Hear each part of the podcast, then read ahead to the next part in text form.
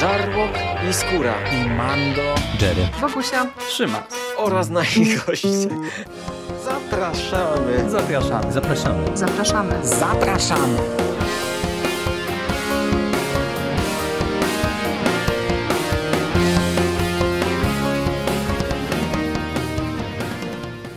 Witamy bardzo serdecznie w kolejnym odcinku konglomeratu podcastowego. Ja nazywam się Hubert Spandowski, czyli Mando, i jest ze mną dzisiaj Michał Rakowicz, czyli Jerry. Witam Ciebie bardzo serdecznie. Cześć. Cześć Mando, witam wszystkich. I tak jak obiecaliśmy całkiem niedawno, powracamy do Gwiezdnych Wojen, do książkowych Gwiezdnych Wojen. Dzisiaj kończymy e, nową trylogię Trauna. Pogadamy sobie o książce Star Wars Traun Zdrada i najprawdopodobniej kończymy omawianie książek gwiezdnowojennych z nowego kanonu, ale o tym więcej na koniec. E, trzeci tom Trauna, krótkie wprowadzenie ode mnie. E, po pierwsze, ramy czasowe. To jest e, czwarty sezon e, Rebelsów, czyli nie pamiętam, ale no to już jest jakieś tam z pół roku przed e, mm, epizodem czwartym maksymalnie chyba. E, w czwartym sezonie Rebelsów e, Traun na jakiś czas opuścił Lotal, udał się na Coruscant i wrócił tak naprawdę na finałową bitwę, na końcówkę serialu.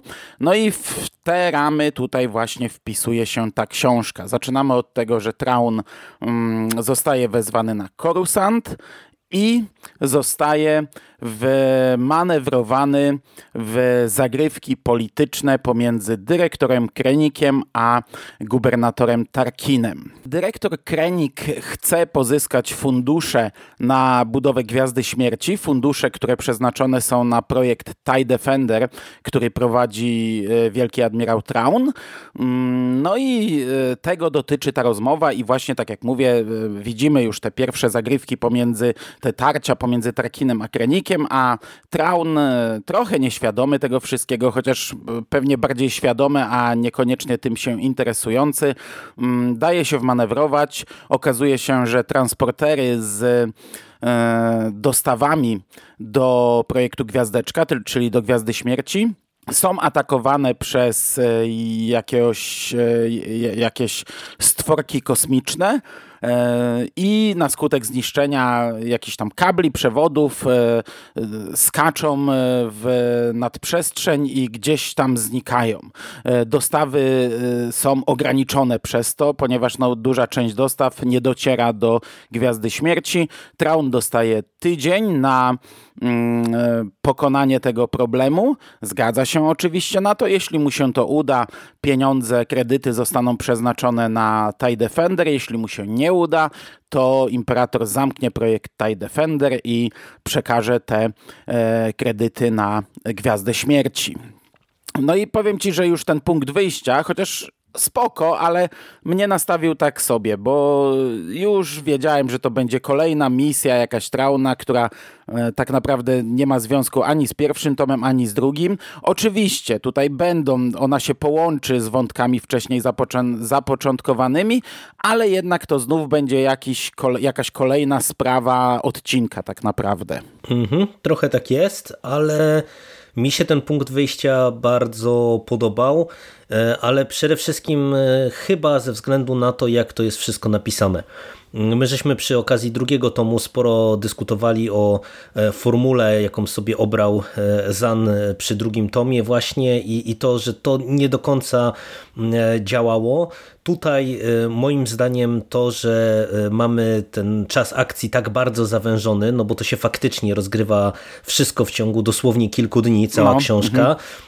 To bardzo dobrze działa na samą historię, bo ta historia jest szybka, jest efektowna, zwroty akcji gonią, gonią po prostu kolejne zwroty akcji, nawet jeżeli mamy rozpisane to na kilka drużyny, no bo bardzo szybko e, tutaj w całą tę sprawę okazuje się, że zostają wmieszani e, nie tylko e, imperialni, ale także przede wszystkim dynastia Cisów.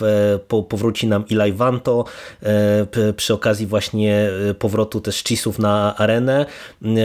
Pojawią się ponownie Gryskowie, których widzieliśmy w tym drugim tomie i to naprawdę bardzo ciekawie jest wszystko prowadzone i i, i mi się od początku to podobało, ale właśnie przede wszystkim właśnie przez taką szybką akcję i ja trochę mimo wszystko się nie zgadzam z takim podejściem, że wiesz, że to, mm, to, to jest taka osobna sprawa odcinka, bo tutaj ja miałem cały czas poczucie, że jednak i ten pierwszy tom i ten drugi, one są dosyć ważne.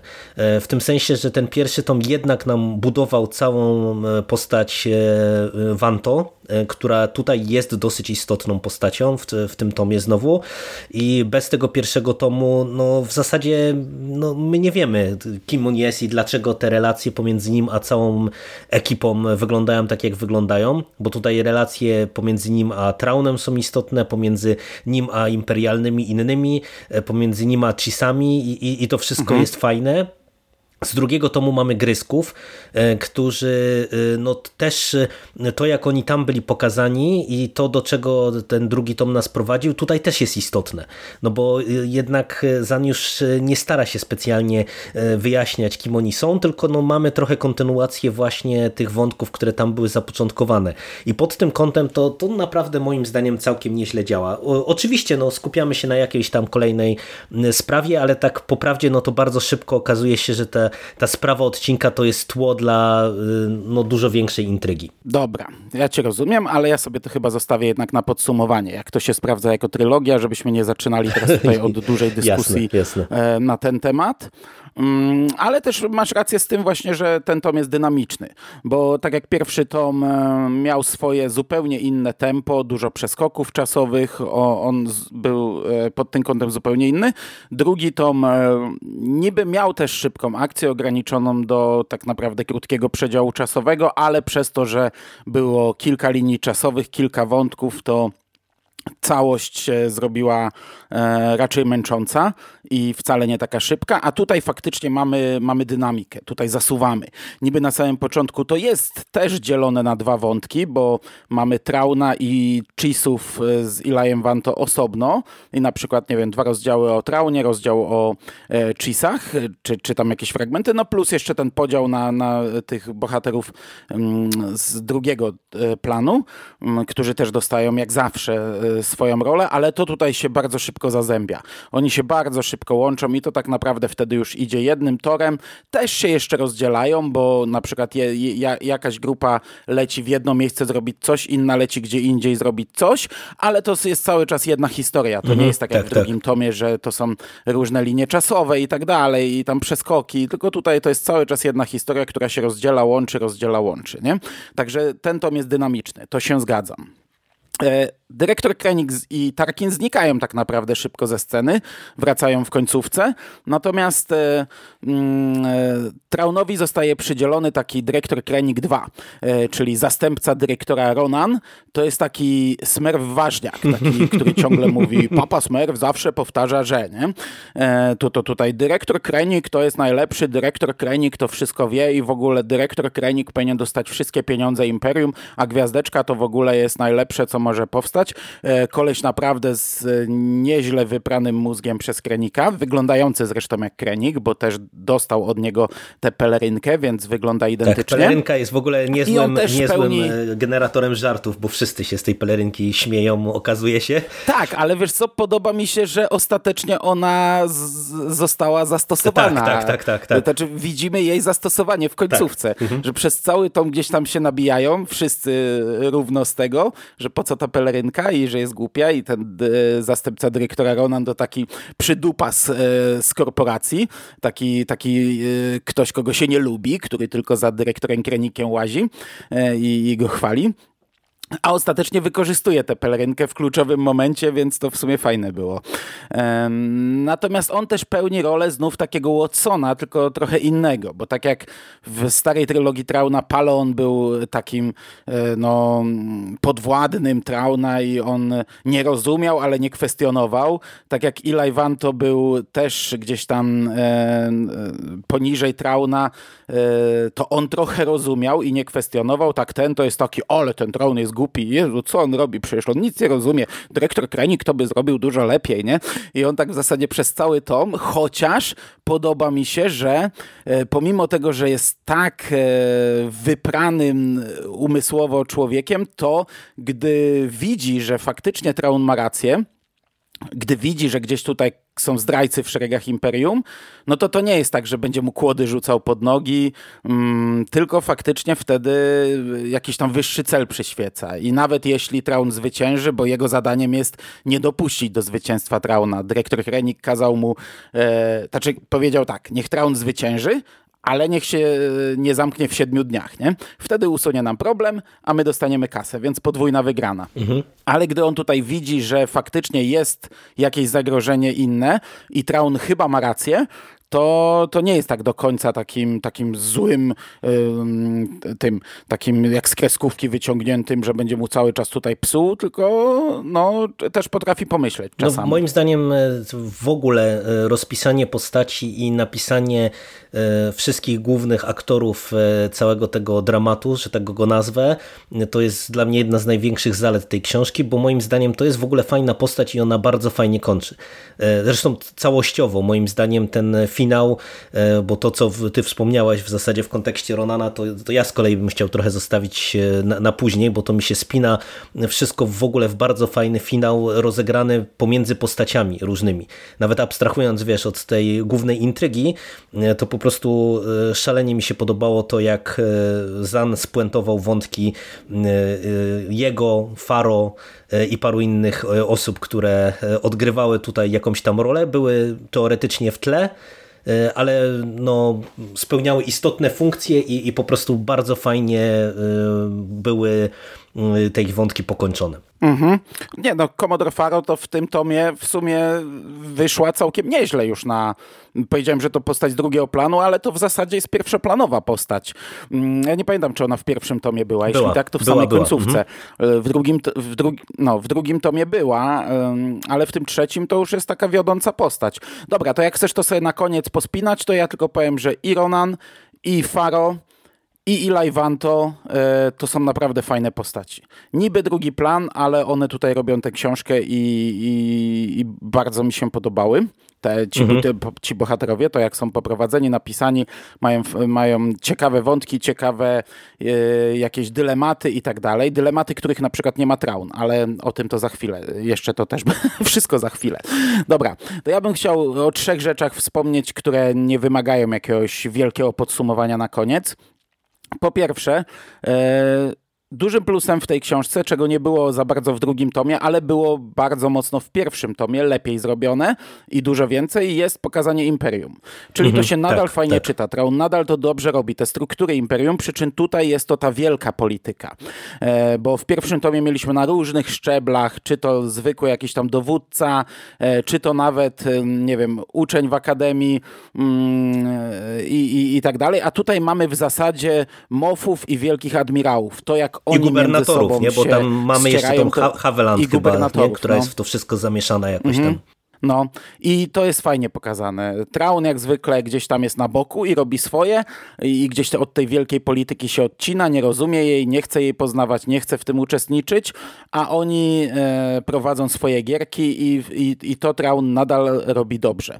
E, to jest nadal e, duży plus tej książki. Mhm. Ja się pod tym totalnie podpisuję. To była jedna e, z fajniejszych rzeczy, jeden z fajniejszych pomysłów w ogóle na, na tę powieść, nie? że właśnie trochę e, pokazać nam E, ty, ty, tą, tę wielką politykę e, od tej strony imperialnej, ale e, pokazać, że to, no to jest takie trochę bagienko, nie? że jak w sumie w każdej polityce, że to nie jest tak, że to, są, to jest jedna struktura, jeden monolit tak naprawdę, tylko że to, to co mhm. my często podkreślamy przecież w kontekście funkcjonowania imperatora i Wejdera, gdzie on mu cały czas rzuca kłody pod nogi i tak naprawdę ich relacja jest oparta na jakichś tam wzajemnych podchodach i rozgrywkach, to, to w zasadzie można powiedzieć, że to się przenosi na całą strukturę imperialną, no bo na każdym szczeblu dowodzenia no to tak funkcjonuje, nie? że to są wszystko e, giereczki, napuszczanie jednych na drugich, walka o wpływy, walka o kasę, e, czasem e, podyktowana ideologicznie, no bo tutaj niektóre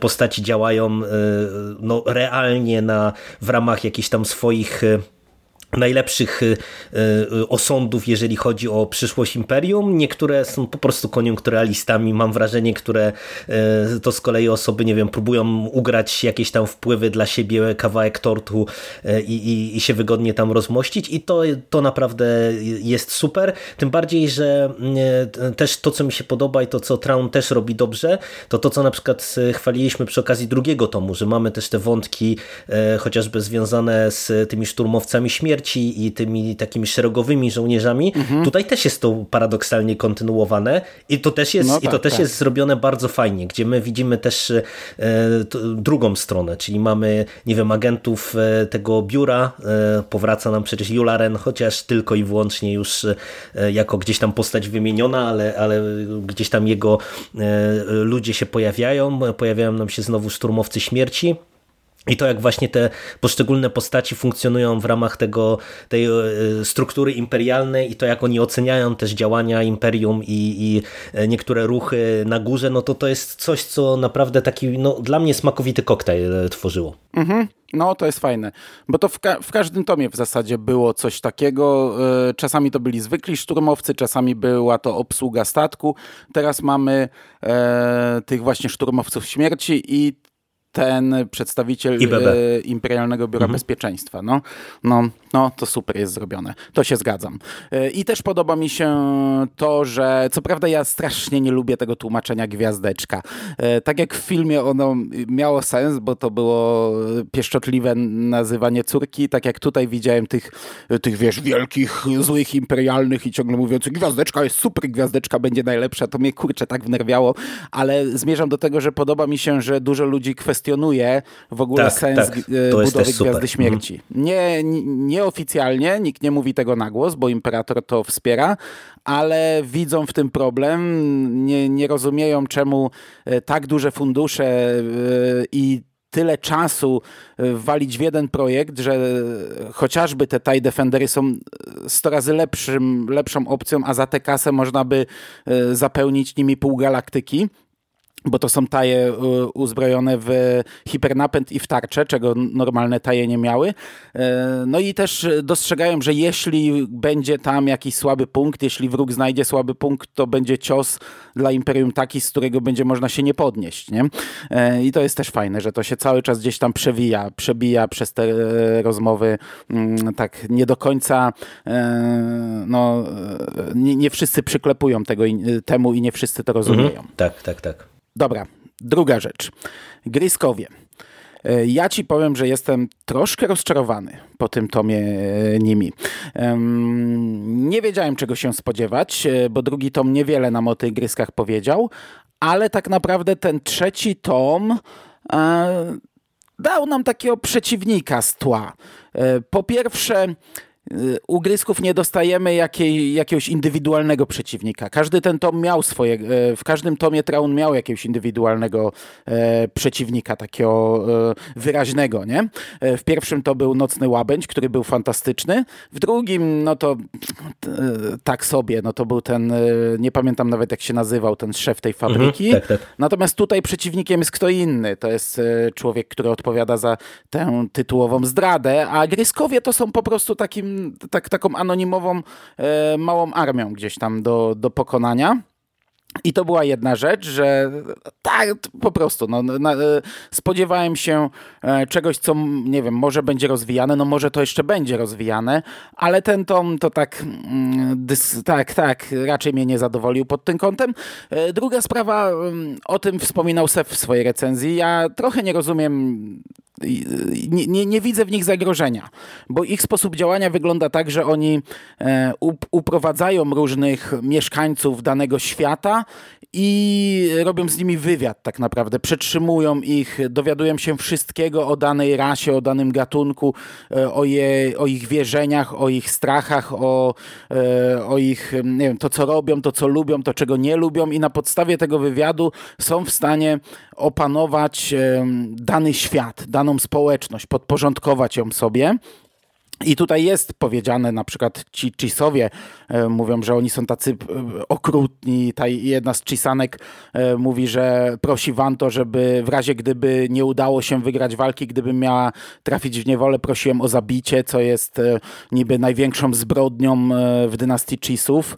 To nie, ja, ja nie widzę zagrożenia w gryskach dla Imperium Galaktycznego, które jest przecież gigantyczne i każda planeta to są zupełnie inne rasy, zupełnie inne wierzenia, inne strachy, inne upodobania. E, tego jest przecież tysiące. Nie, nie rozumiem trochę, jak Gryskowie mieliby opanować galaktykę i jak ktokolwiek miałby się ich bać.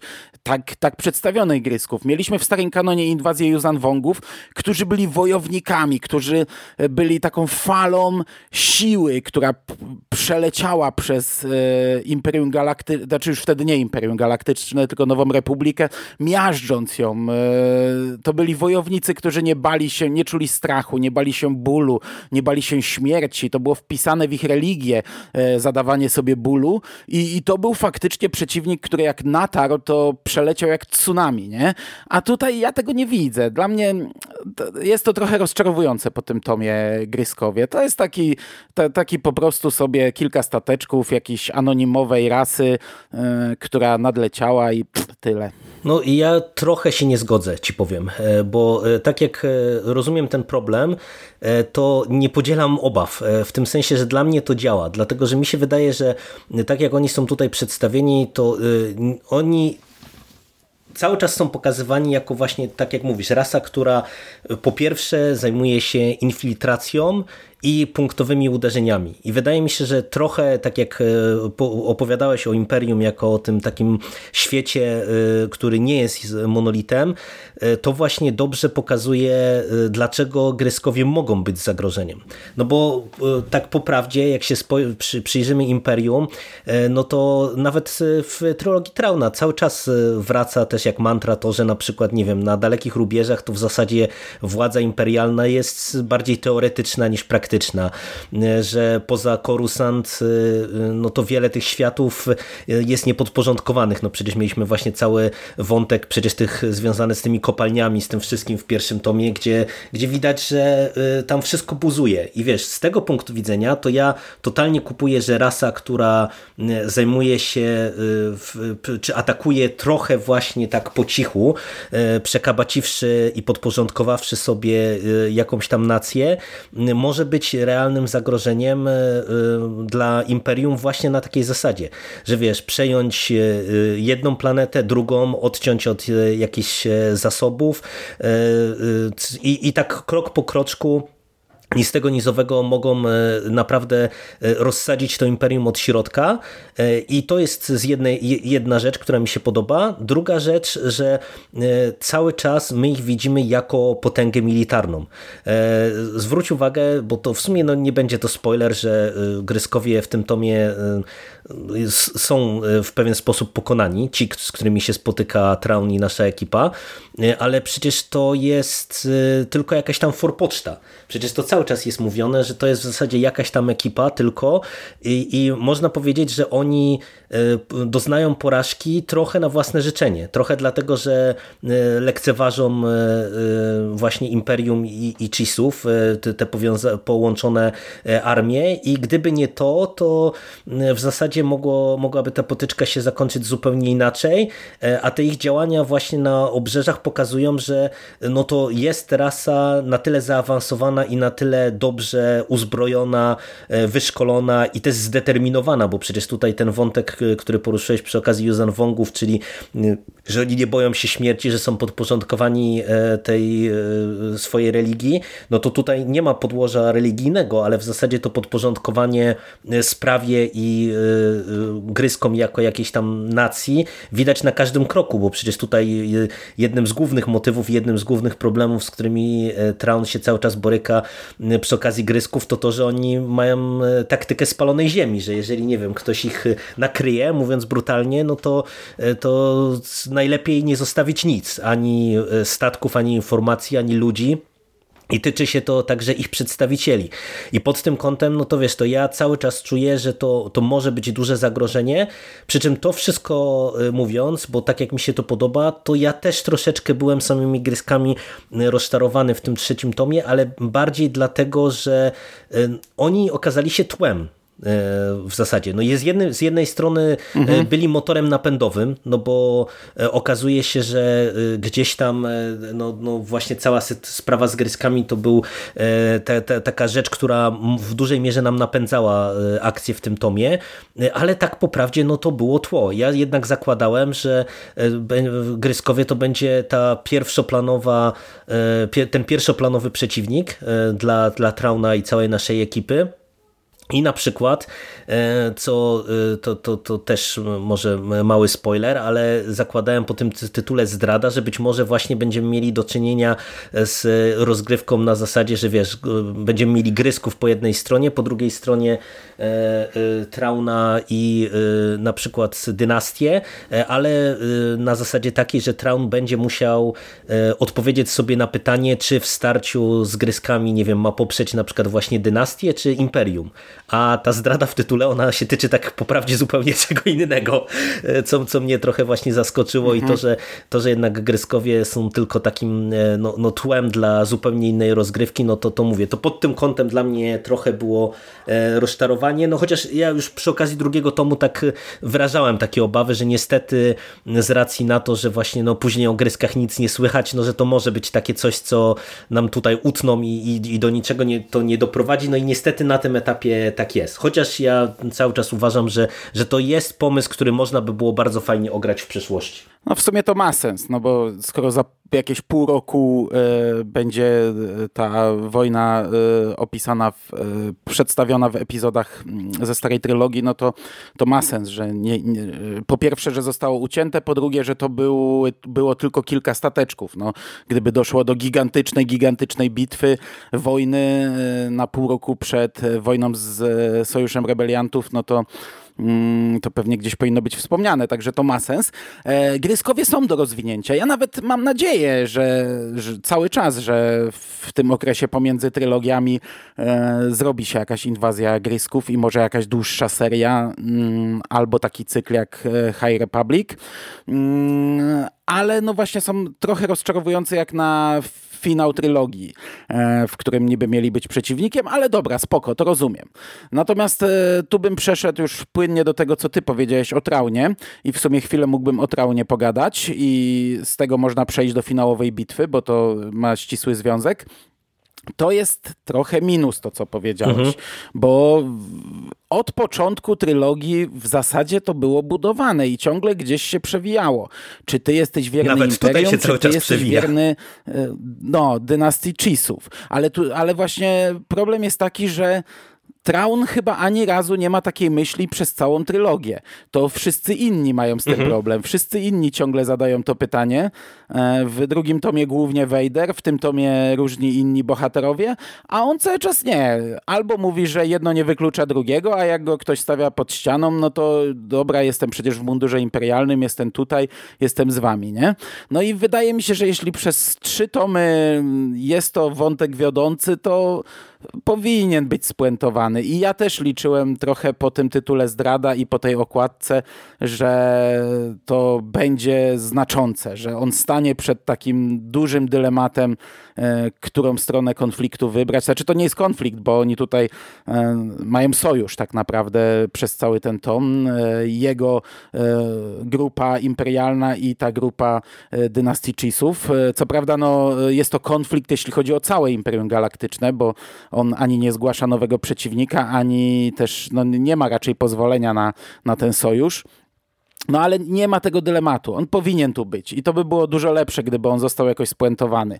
A tak naprawdę mamy finał, gdzie e, imperator znów prowadzi z nim rozmowę na ten temat i z tej rozmowy nic nie wynika i po prostu on zostaje odesłany na lotal, żeby odegrać e, finał e, serialu Rebelianci. I, I to jest minus, jeśli chodzi o rozpisanie e, Trauna, że to nie, nie ma punktu kulminacyjnego. Tak, no tu pod tym kątem się zgadzam. No mówię, no dla mnie to było e, w zasadzie podstaw e, podstawowe rozczarowanie, jeżeli chodzi o, o ten tom, bo tak jak e, tutaj w zasadzie wszystko mi się bardzo podobało, tak, tak tutaj pod tym kątem to to no tak jak mówisz, to powinno było wybrzmieć i chociaż no z drugiej strony to, co dostaliśmy w zamian, to mi się nawet podobało, bo to był fajny wątek całościowo, natomiast no, mamy do czynienia z trylogią.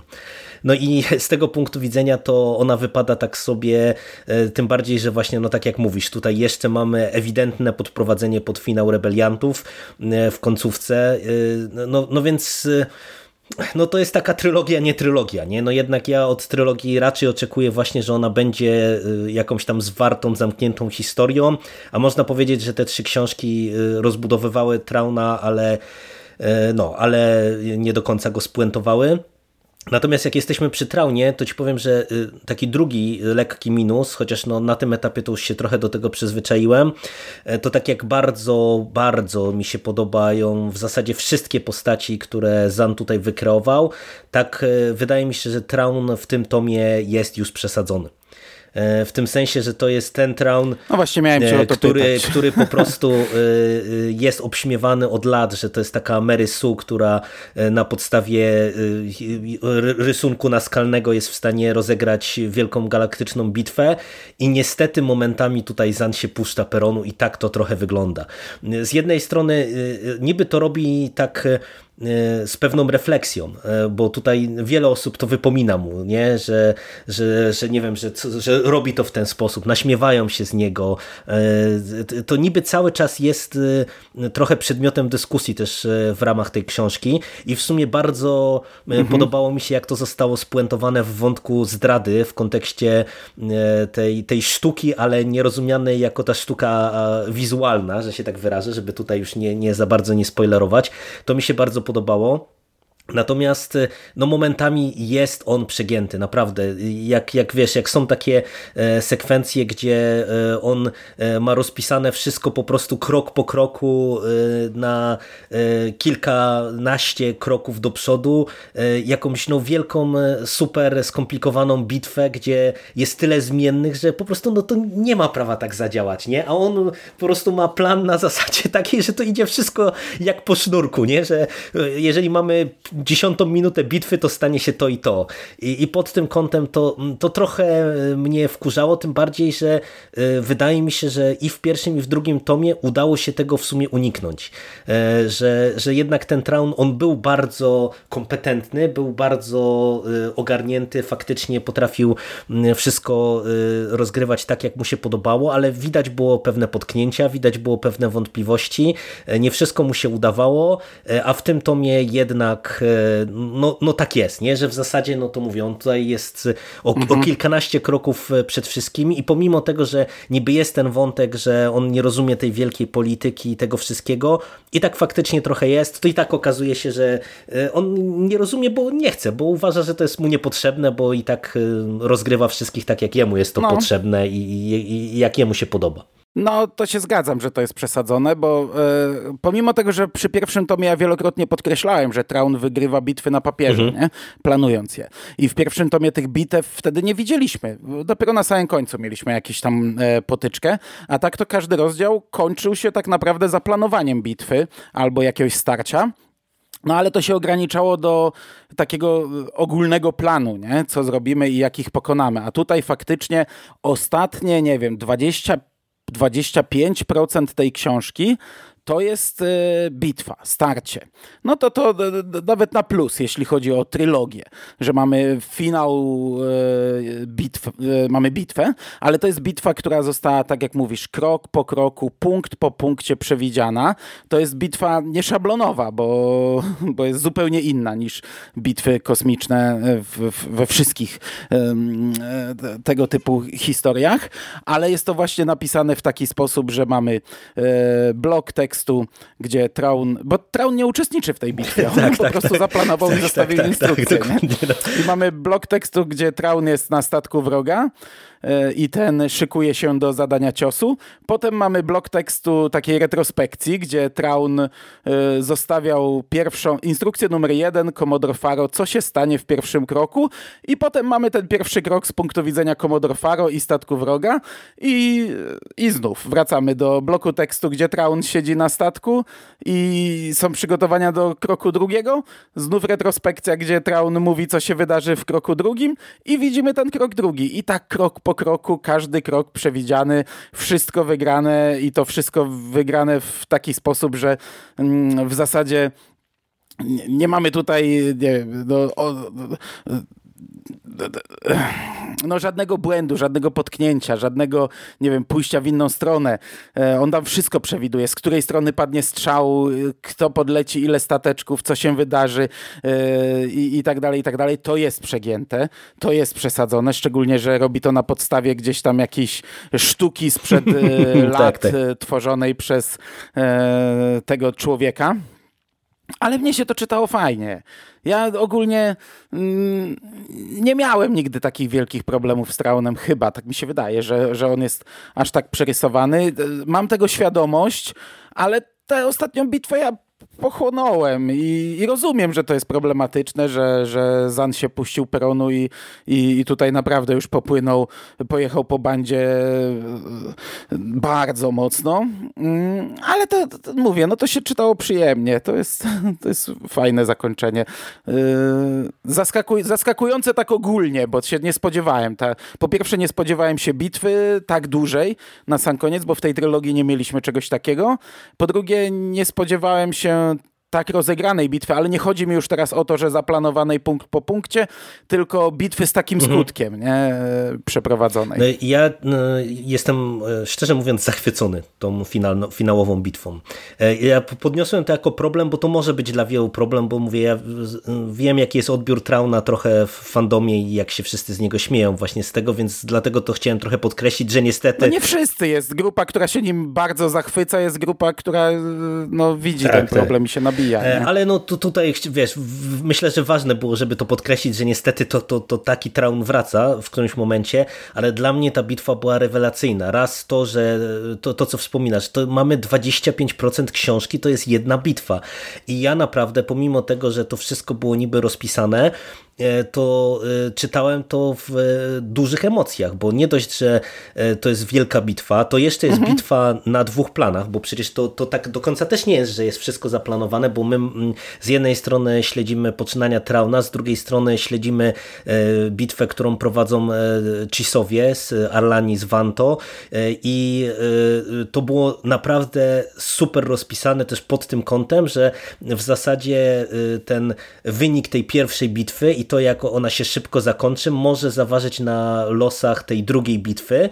I to już dla mnie wcale nie było oczywiste, w jakim kierunku to zostanie poprowadzone i tak e, uważam, że to Zan tutaj sprytnie wszystko rozegrał e, pod tym kątem, to jest raz. Dwa, to co mówisz, że tutaj jest zaskakujące to wszystko na, na e, takim bazowym poziomie, że nawet jak ta bitwa się rozpoczyna, to ja cały czas myślałem, że to pójdzie w inną stronę. E, I e, to, co dostaliśmy, to naprawdę było bardzo ciekawe zagranie. E, I co więcej, też podobało mi się, że tutaj w tej bitwie, pomimo tego, jak niby część tej rozgrywki Traun rozplanował punkt po punkcie, to w zasadzie cała ekipa, która była w tym tomie budowana, począwszy od Vanto, poprzez Ronana, Faro a, aż na Arlani skończywszy, oni wszyscy tutaj mają rolę do odegrania i odgrywają ją w ciekawy sposób. E, bardzo, bardzo dobrze e, mi się to pod tym kątem czytało. Wiesz, no nawet e, abstrahując właśnie od tego, co robi Traun, nie to działania Faro i przede wszystkim duet Vanto Arlani, gdzie oni mają tam te rozmowy w kontekście poczynań Vanto, kiedy on się w końcu dowiaduje od niej, można powiedzieć, co robi w dynastii, jako taki najwyższy wyraz zaufania i tak dalej, i tak dalej dla mnie ta końcówka była naprawdę pod tym kątem super. E, także no, duży plus. No, no. Spuentowanie tych postaci jest fajne. I Wanto, i Faro, i też e, Ronana. To, to tak jak mówię, to są postaci, które są bardzo e, mocnym punktem tej książki od początku do końca, do, do ich finału, do ich puenty. To mi się bardzo podobało. I w kontekście, wiesz, to jeszcze Trauna, to, to ci tylko byłem... powiem, że mhm. szalenie po prostu mnie tak pozytywnie, emocjonalnie rozwaliła scena pomiędzy Traunem i Faro w końcówce. E, po prostu to, to było dla mnie mhm. tak rewelacyjny, rewelacyjny motyw, e, bo e, mam wrażenie, że paradoksem tej książki jest to, że chyba nigdy ja nie miałem czegoś takiego, żebyśmy my kibicowali imperialnym.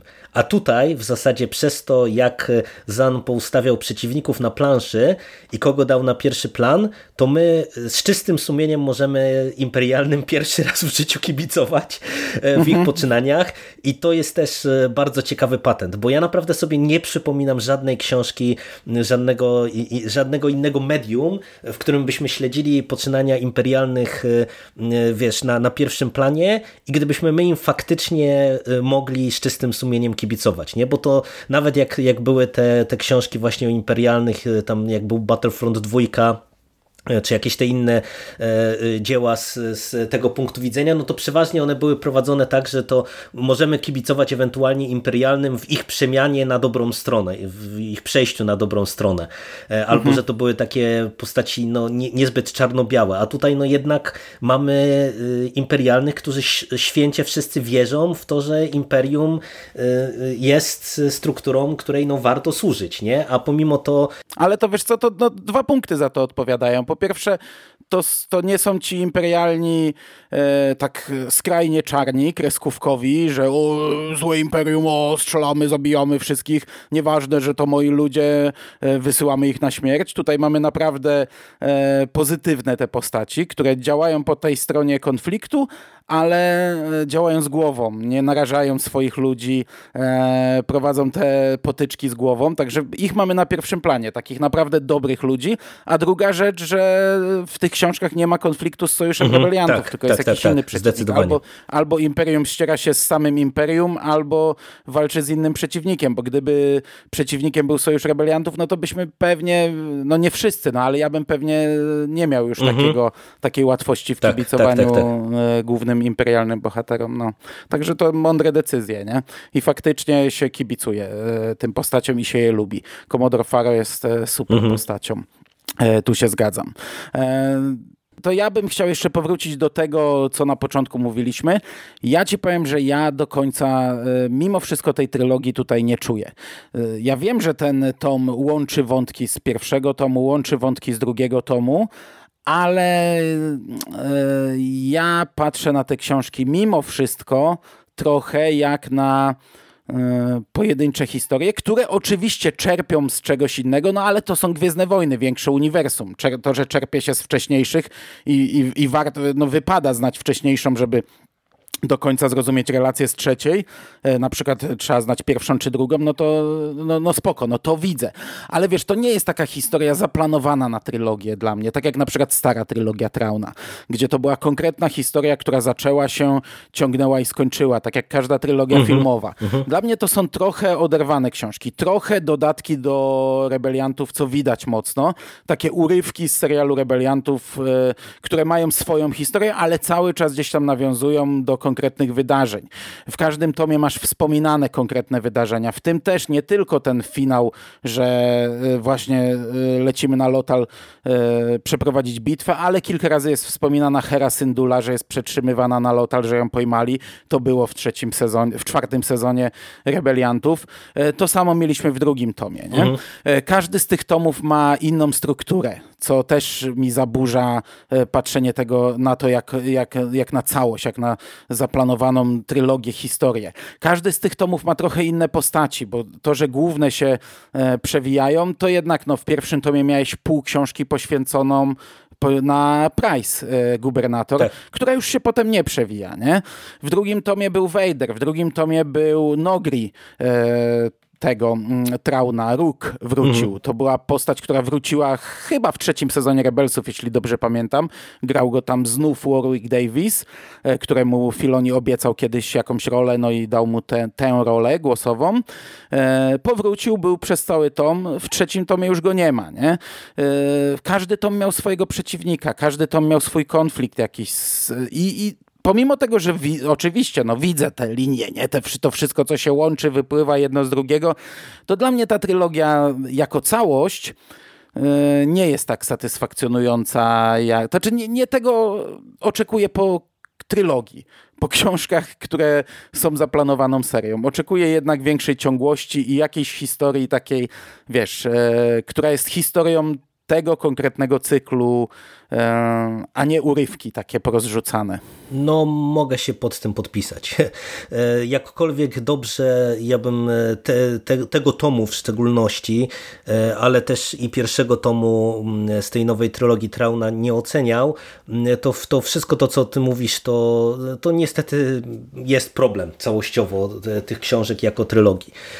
Tym bardziej, że pomimo tego, że ja wspomniałem, że w tym trzecim tomie mamy połączenia tych wszystkich wątków, wraca bardzo dużo motywów, bo przecież tu nawet Czarny Łabędź wraca w którymś mhm. momencie, co też mi się bardzo podobało, jak, jak, no to, tak, zostało, no. jak to zostało wykorzystane, e, więc e, czuć, że Zan jakby panował pod tym kątem, żeby jak najwięcej tych elementów e, właśnie w tym wielkim finale wróciło, ale paradoksalnie jest tak, że faktycznie można by było, ja sobie wyobrażam, sięgnąć po taką zdradę i mimo wszystko się dobrze bawić, bo, bo tutaj jest y, na tyle też dużo rzeczy wprowadzonych, y, że wiesz, że jak y, czegoś nie, nie, nie zrozumiesz jakiegoś nawiązania, to w sumie wydaje mi się, że często jest tak, że można czegoś nie zrozumieć w Gwiezdnych Wojnach, no bo tak jak wielokrotnie o tym rozmawiamy, no te media się przenikają, nie? Mamy często jakieś mikronawiązanie, nie wiem, do komiksu, czy do gry chociażby w tym rozszerzonym uniwersum,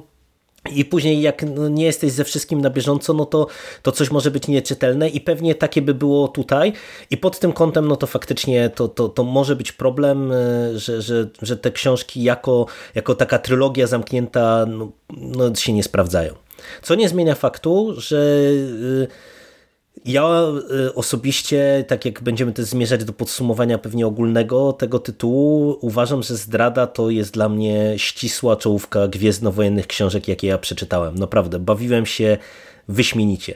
I, i wiesz, i to yy, i w trakcie, i przede wszystkim właśnie ze względu na finał, bo e, no, no ta końcówka dla mnie jest e, świetna, naprawdę. No to, co nawet takimi małymi patentami, jak, jak mamy chociażby właśnie to, to, to, co powiedziałem, że jeszcze do tego będę chciał wrócić, jak e, rozwiązanie wątku Ronana zupełnie, myślę, nie tak jak wszyscy byśmy sobie przewidywali, że to się potoczy.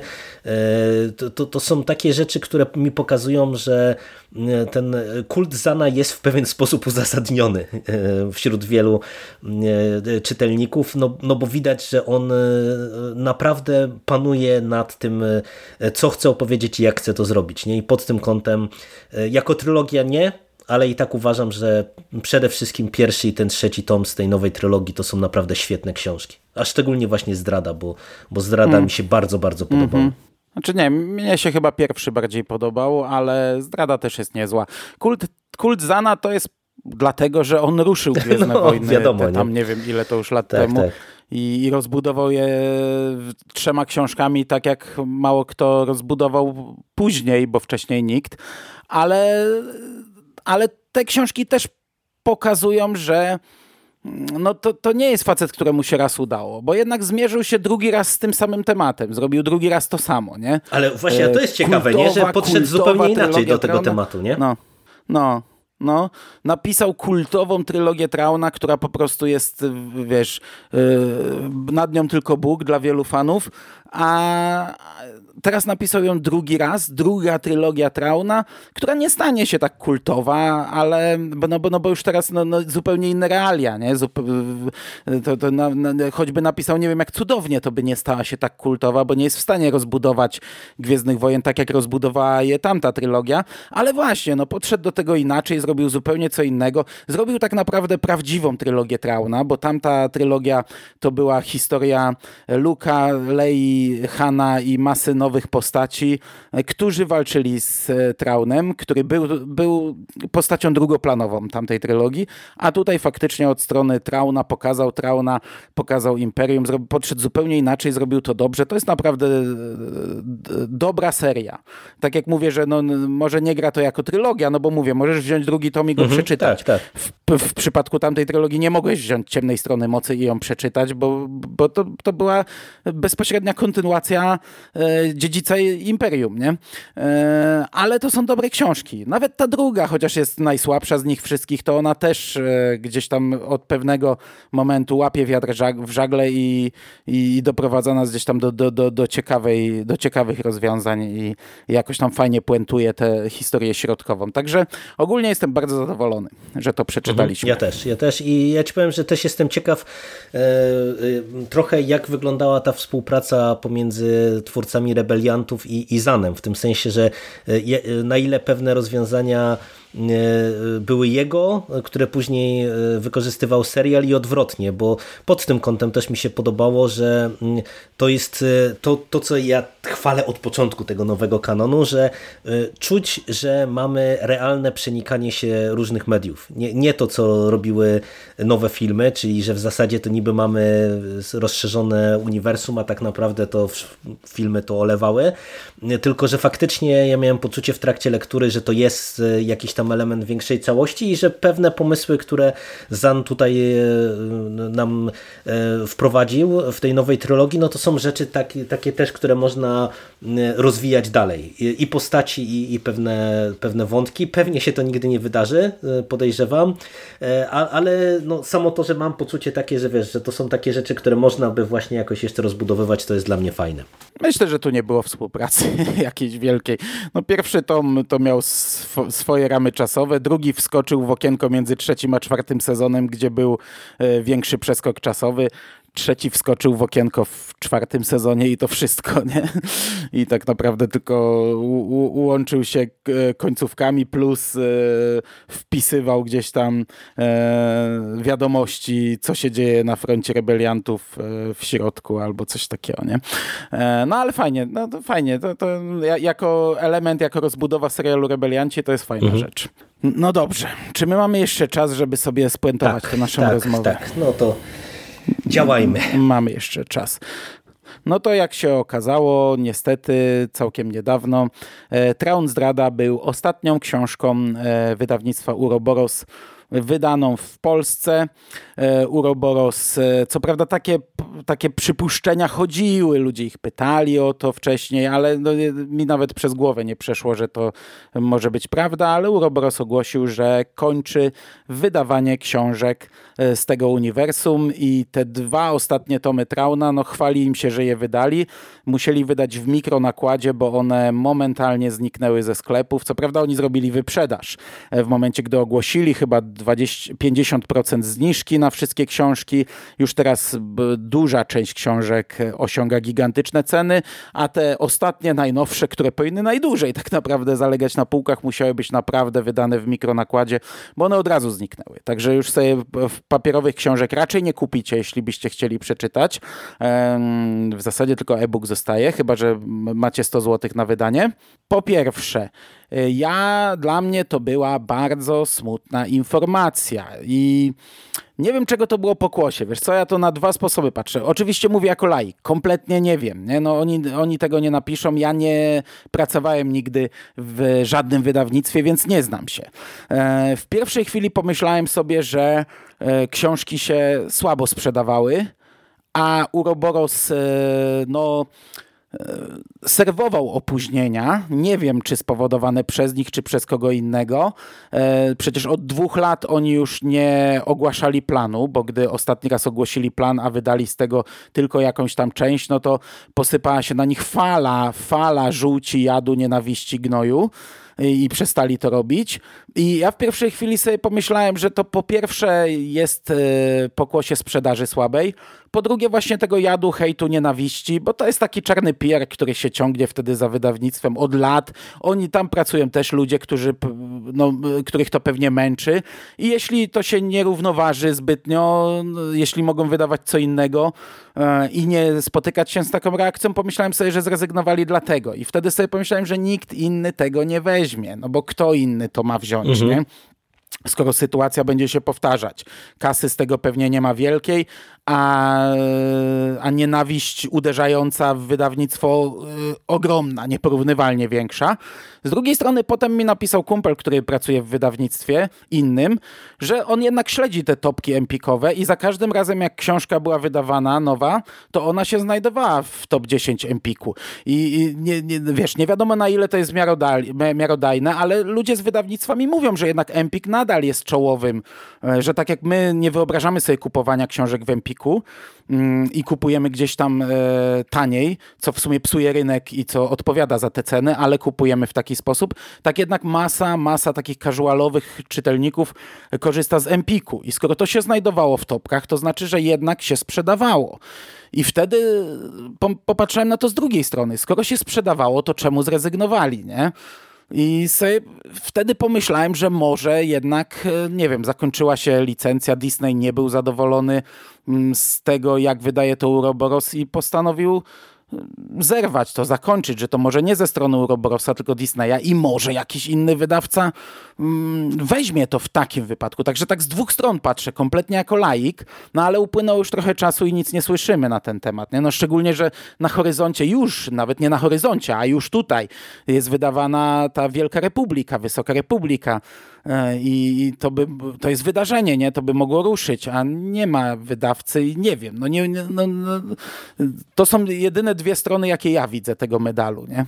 No, e, dla mnie to też była smutna wiadomość, bo ja nie ukrywam, że e, no, gdyby nie Uroboros, to ja pewnie tak mocno w ten nowy kanon bym nie wskoczył.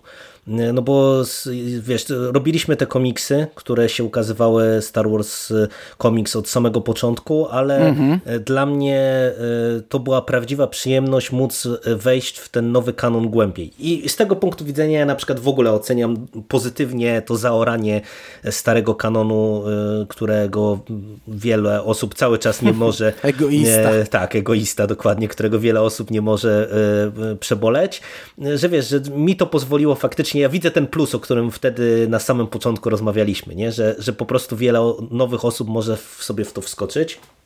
E, I e, z tego punktu widzenia to była naprawdę dla mnie smutna wiadomość. To, co mówisz, e, jedna i druga rzecz może być prawdą. Ja jeszcze sobie trochę tak myślałem w kontekście w ogóle współpracy z Disneyem, czy z tą, tą działką konkretnie gwiezdnowojenną, bo na to narzekania dochodzą z różnych gałęzi tego wielkiego przemysłu.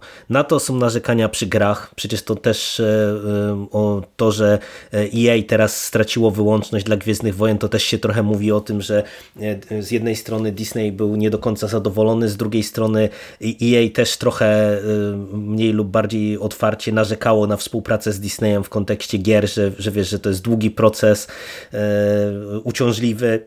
I ja się zastanawiam też pod tym kątem, nie? czy tutaj coś na przykład nie było jakimś tam problemem, nie? Że, że być może kwestie uzgadniania jakichś tam rzeczy, mhm. dogrywania tego, czy to nie jest upierdliwe. No zresztą wiesz, no nawet patrząc na Egmont, który wydaje komiksy, no zobacz, mieliśmy e, od e, borderline prawie z newsami, no bo najpierw ogłosili, że koniec magazynu, po, tym, po czym nagle się okazało, że jednak wszystko wraca, Czyli to też pokazuje raczej, że te rozmowy nie są pewnie łatwe, gwiezdnowojenne. No i ja cały czas po cichu liczę, że... A oni też sprzedali przecież tak. książki. Egmont też się pozbył dokładnie, książek. Dokładnie tak.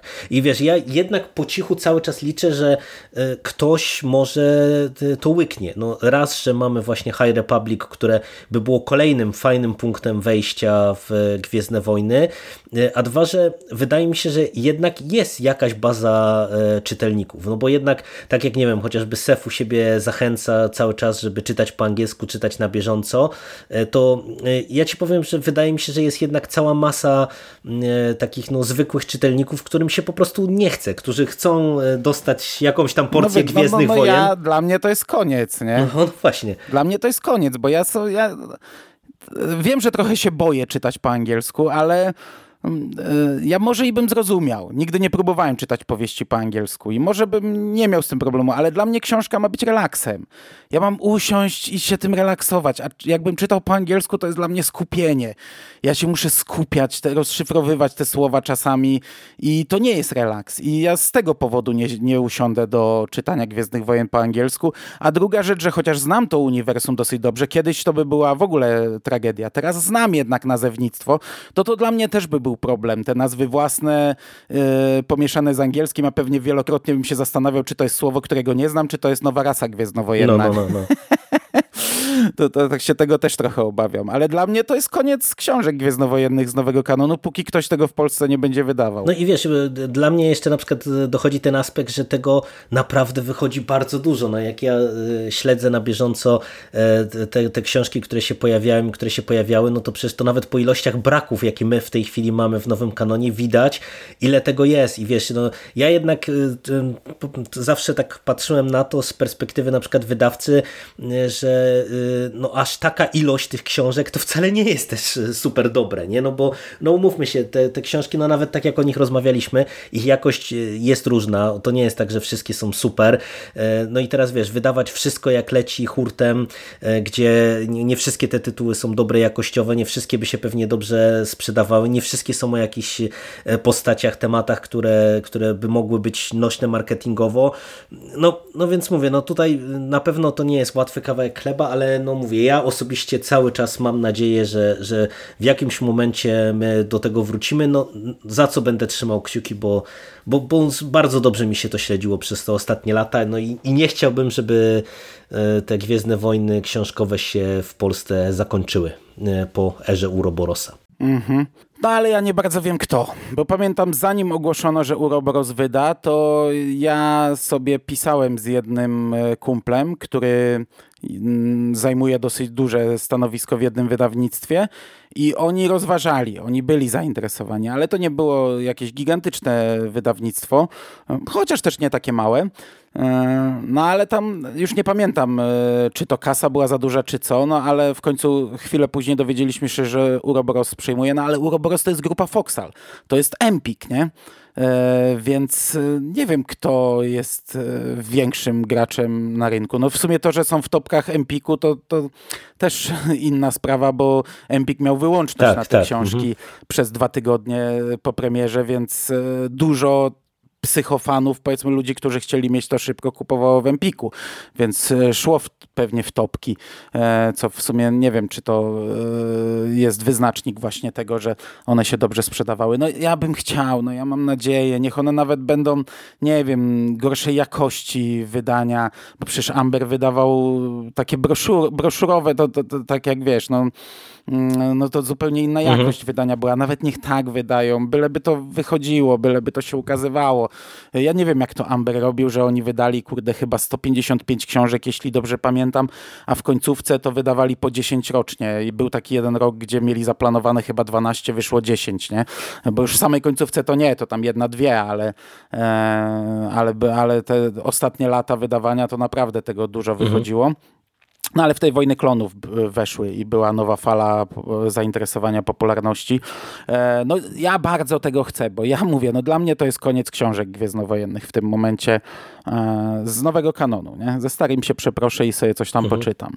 Ale jednak chciałbym ten nowy śledzić. No ja również, ja również, także trzymajmy za to kciuki.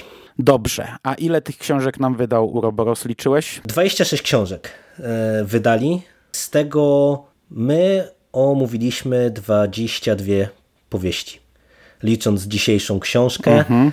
to, to, czego nie omówiliśmy, to były adaptacje filmowe. Adaptacje, tak, właśnie. Tak, bo, bo to było mhm. e, Przebudzenie Mocy, Łotr 1, e, Nowa Nadzieja e, i e, Ostatni Jedi chyba, jeżeli dobrze pamiętam, też był wydany. Tak jest, i Ostatni tak, Jedi. Także Pierwsze książki omawiałem sam, bo na samym początku ty jeszcze tak, nie chyba, czytałeś. Chyba siedem książek e, miałeś miałeś solowo omówionych, z tego co tak sprawdzałem. Mhm.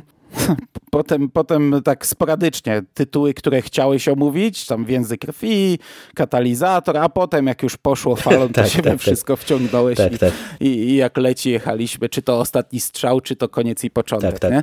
Także no, z mojego punktu widzenia omówiliśmy wszystkie, bo ja adaptacji po prostu nie lubię. Co prawda chcę przeczytać Łotra 1 kiedyś, bo to ponoć jest bardzo dobra książka, więc jeśli przeczytam, to omówię.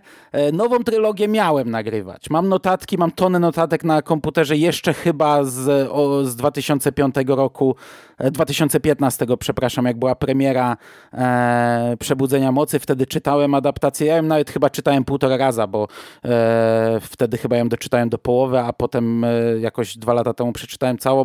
Ostatniego Jedi zacząłem i w ostatnim Jedi naprawdę można by zrobić ciekawy podcast, bo tam i tłumaczenie leży i kwiczy i sama, samo podejście do adaptacji jest bardzo ciekawe. Przeczytałem z pięć rozdziałów i, i chyba dopiero piąty przedstawiał wydarzenia tak jak w filmie pokazane, a tak to wszystko jest gdzieś obok z innego punktu widzenia, z innej strony.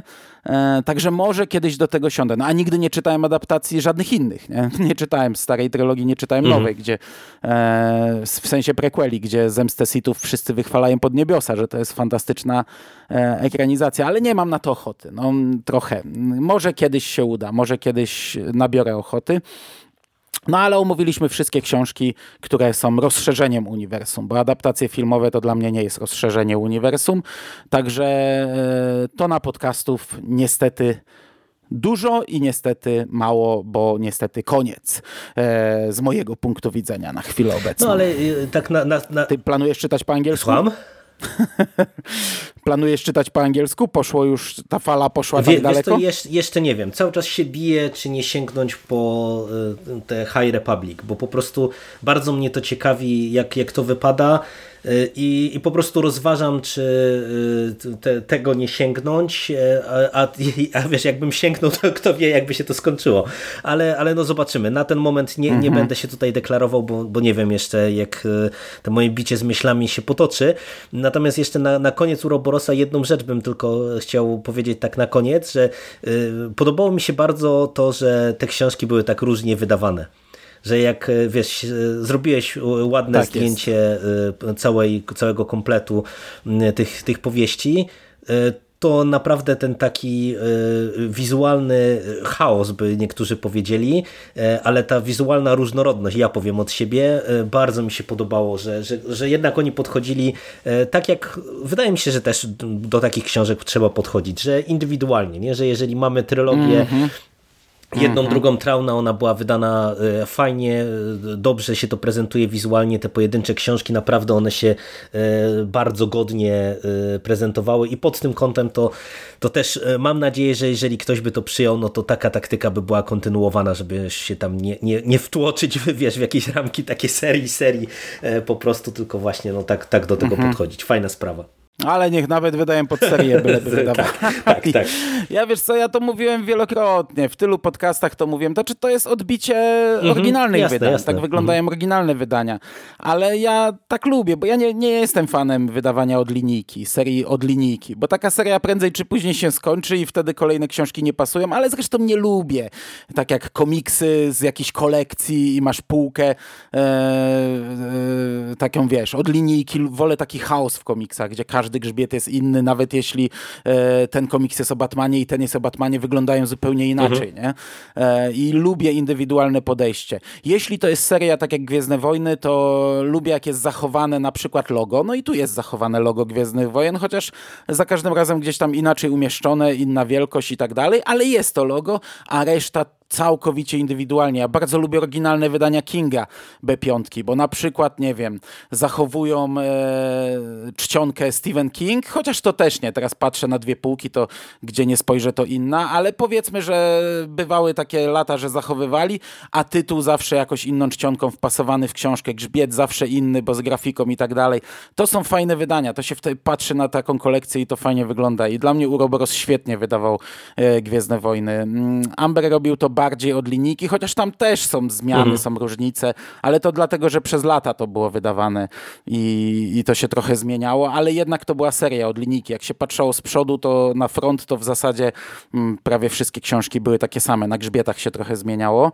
E, także to jest plus. To jest plus. A jeśli chodzi o czytanie po angielsku, to ja jeśli bym spróbował Wysoką Republikę czy Wielką Republikę, to zacząłbym Od tej młodzieżówki. od A młodzieżówki. też o tym myślałem, bo- właśnie, żeby no, bo to by zacząć, było bo, bo tak. Stwierdziłem, że to pewnie jest krótsza przede wszystkim też powieść, więc to, to mm, krótsza, łatwiej. inny Tak, język, e, by to jakoś e, łatwiej weszło. Jakbym to przeczytał, to może bym wtedy sobie kupił w końcu Creepshow, e, bo to też jest w zasadzie młodzieżówka chyba takim językiem pisana i przeczytał. No zobaczymy. zobaczymy. Zobaczymy. Dobra, ty nie ma co przedłużać w tym układzie. Mhm. Tak jest. No to yy, my kończymy na chwilę obecną. Z Gwiezdnymi Wojnami oczywiście nie, bo za chwilę będzie w Egmont, yy, wielka fala Egmontu, która nas yy, zacznie zalewać powoli komiksami, więc tego będzie dużo, a potem może seriale i tak dalej, a potem filmy kinowe, jak nam kina utworzą. E, natomiast my kończymy na chwilę obecną z książkami i z tą konkretną książką i z tą konkretną trylogią. Ja Ci bardzo dziękuję za rozmowę. Dzięki bardzo. A słuchaczom dziękuję za ten czas poświęcony nam i do usłyszenia w przyszłości. Cześć!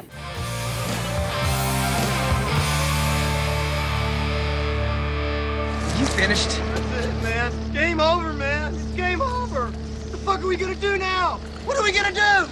It's over. Nothing is over! Nothing! You just don't turn it off!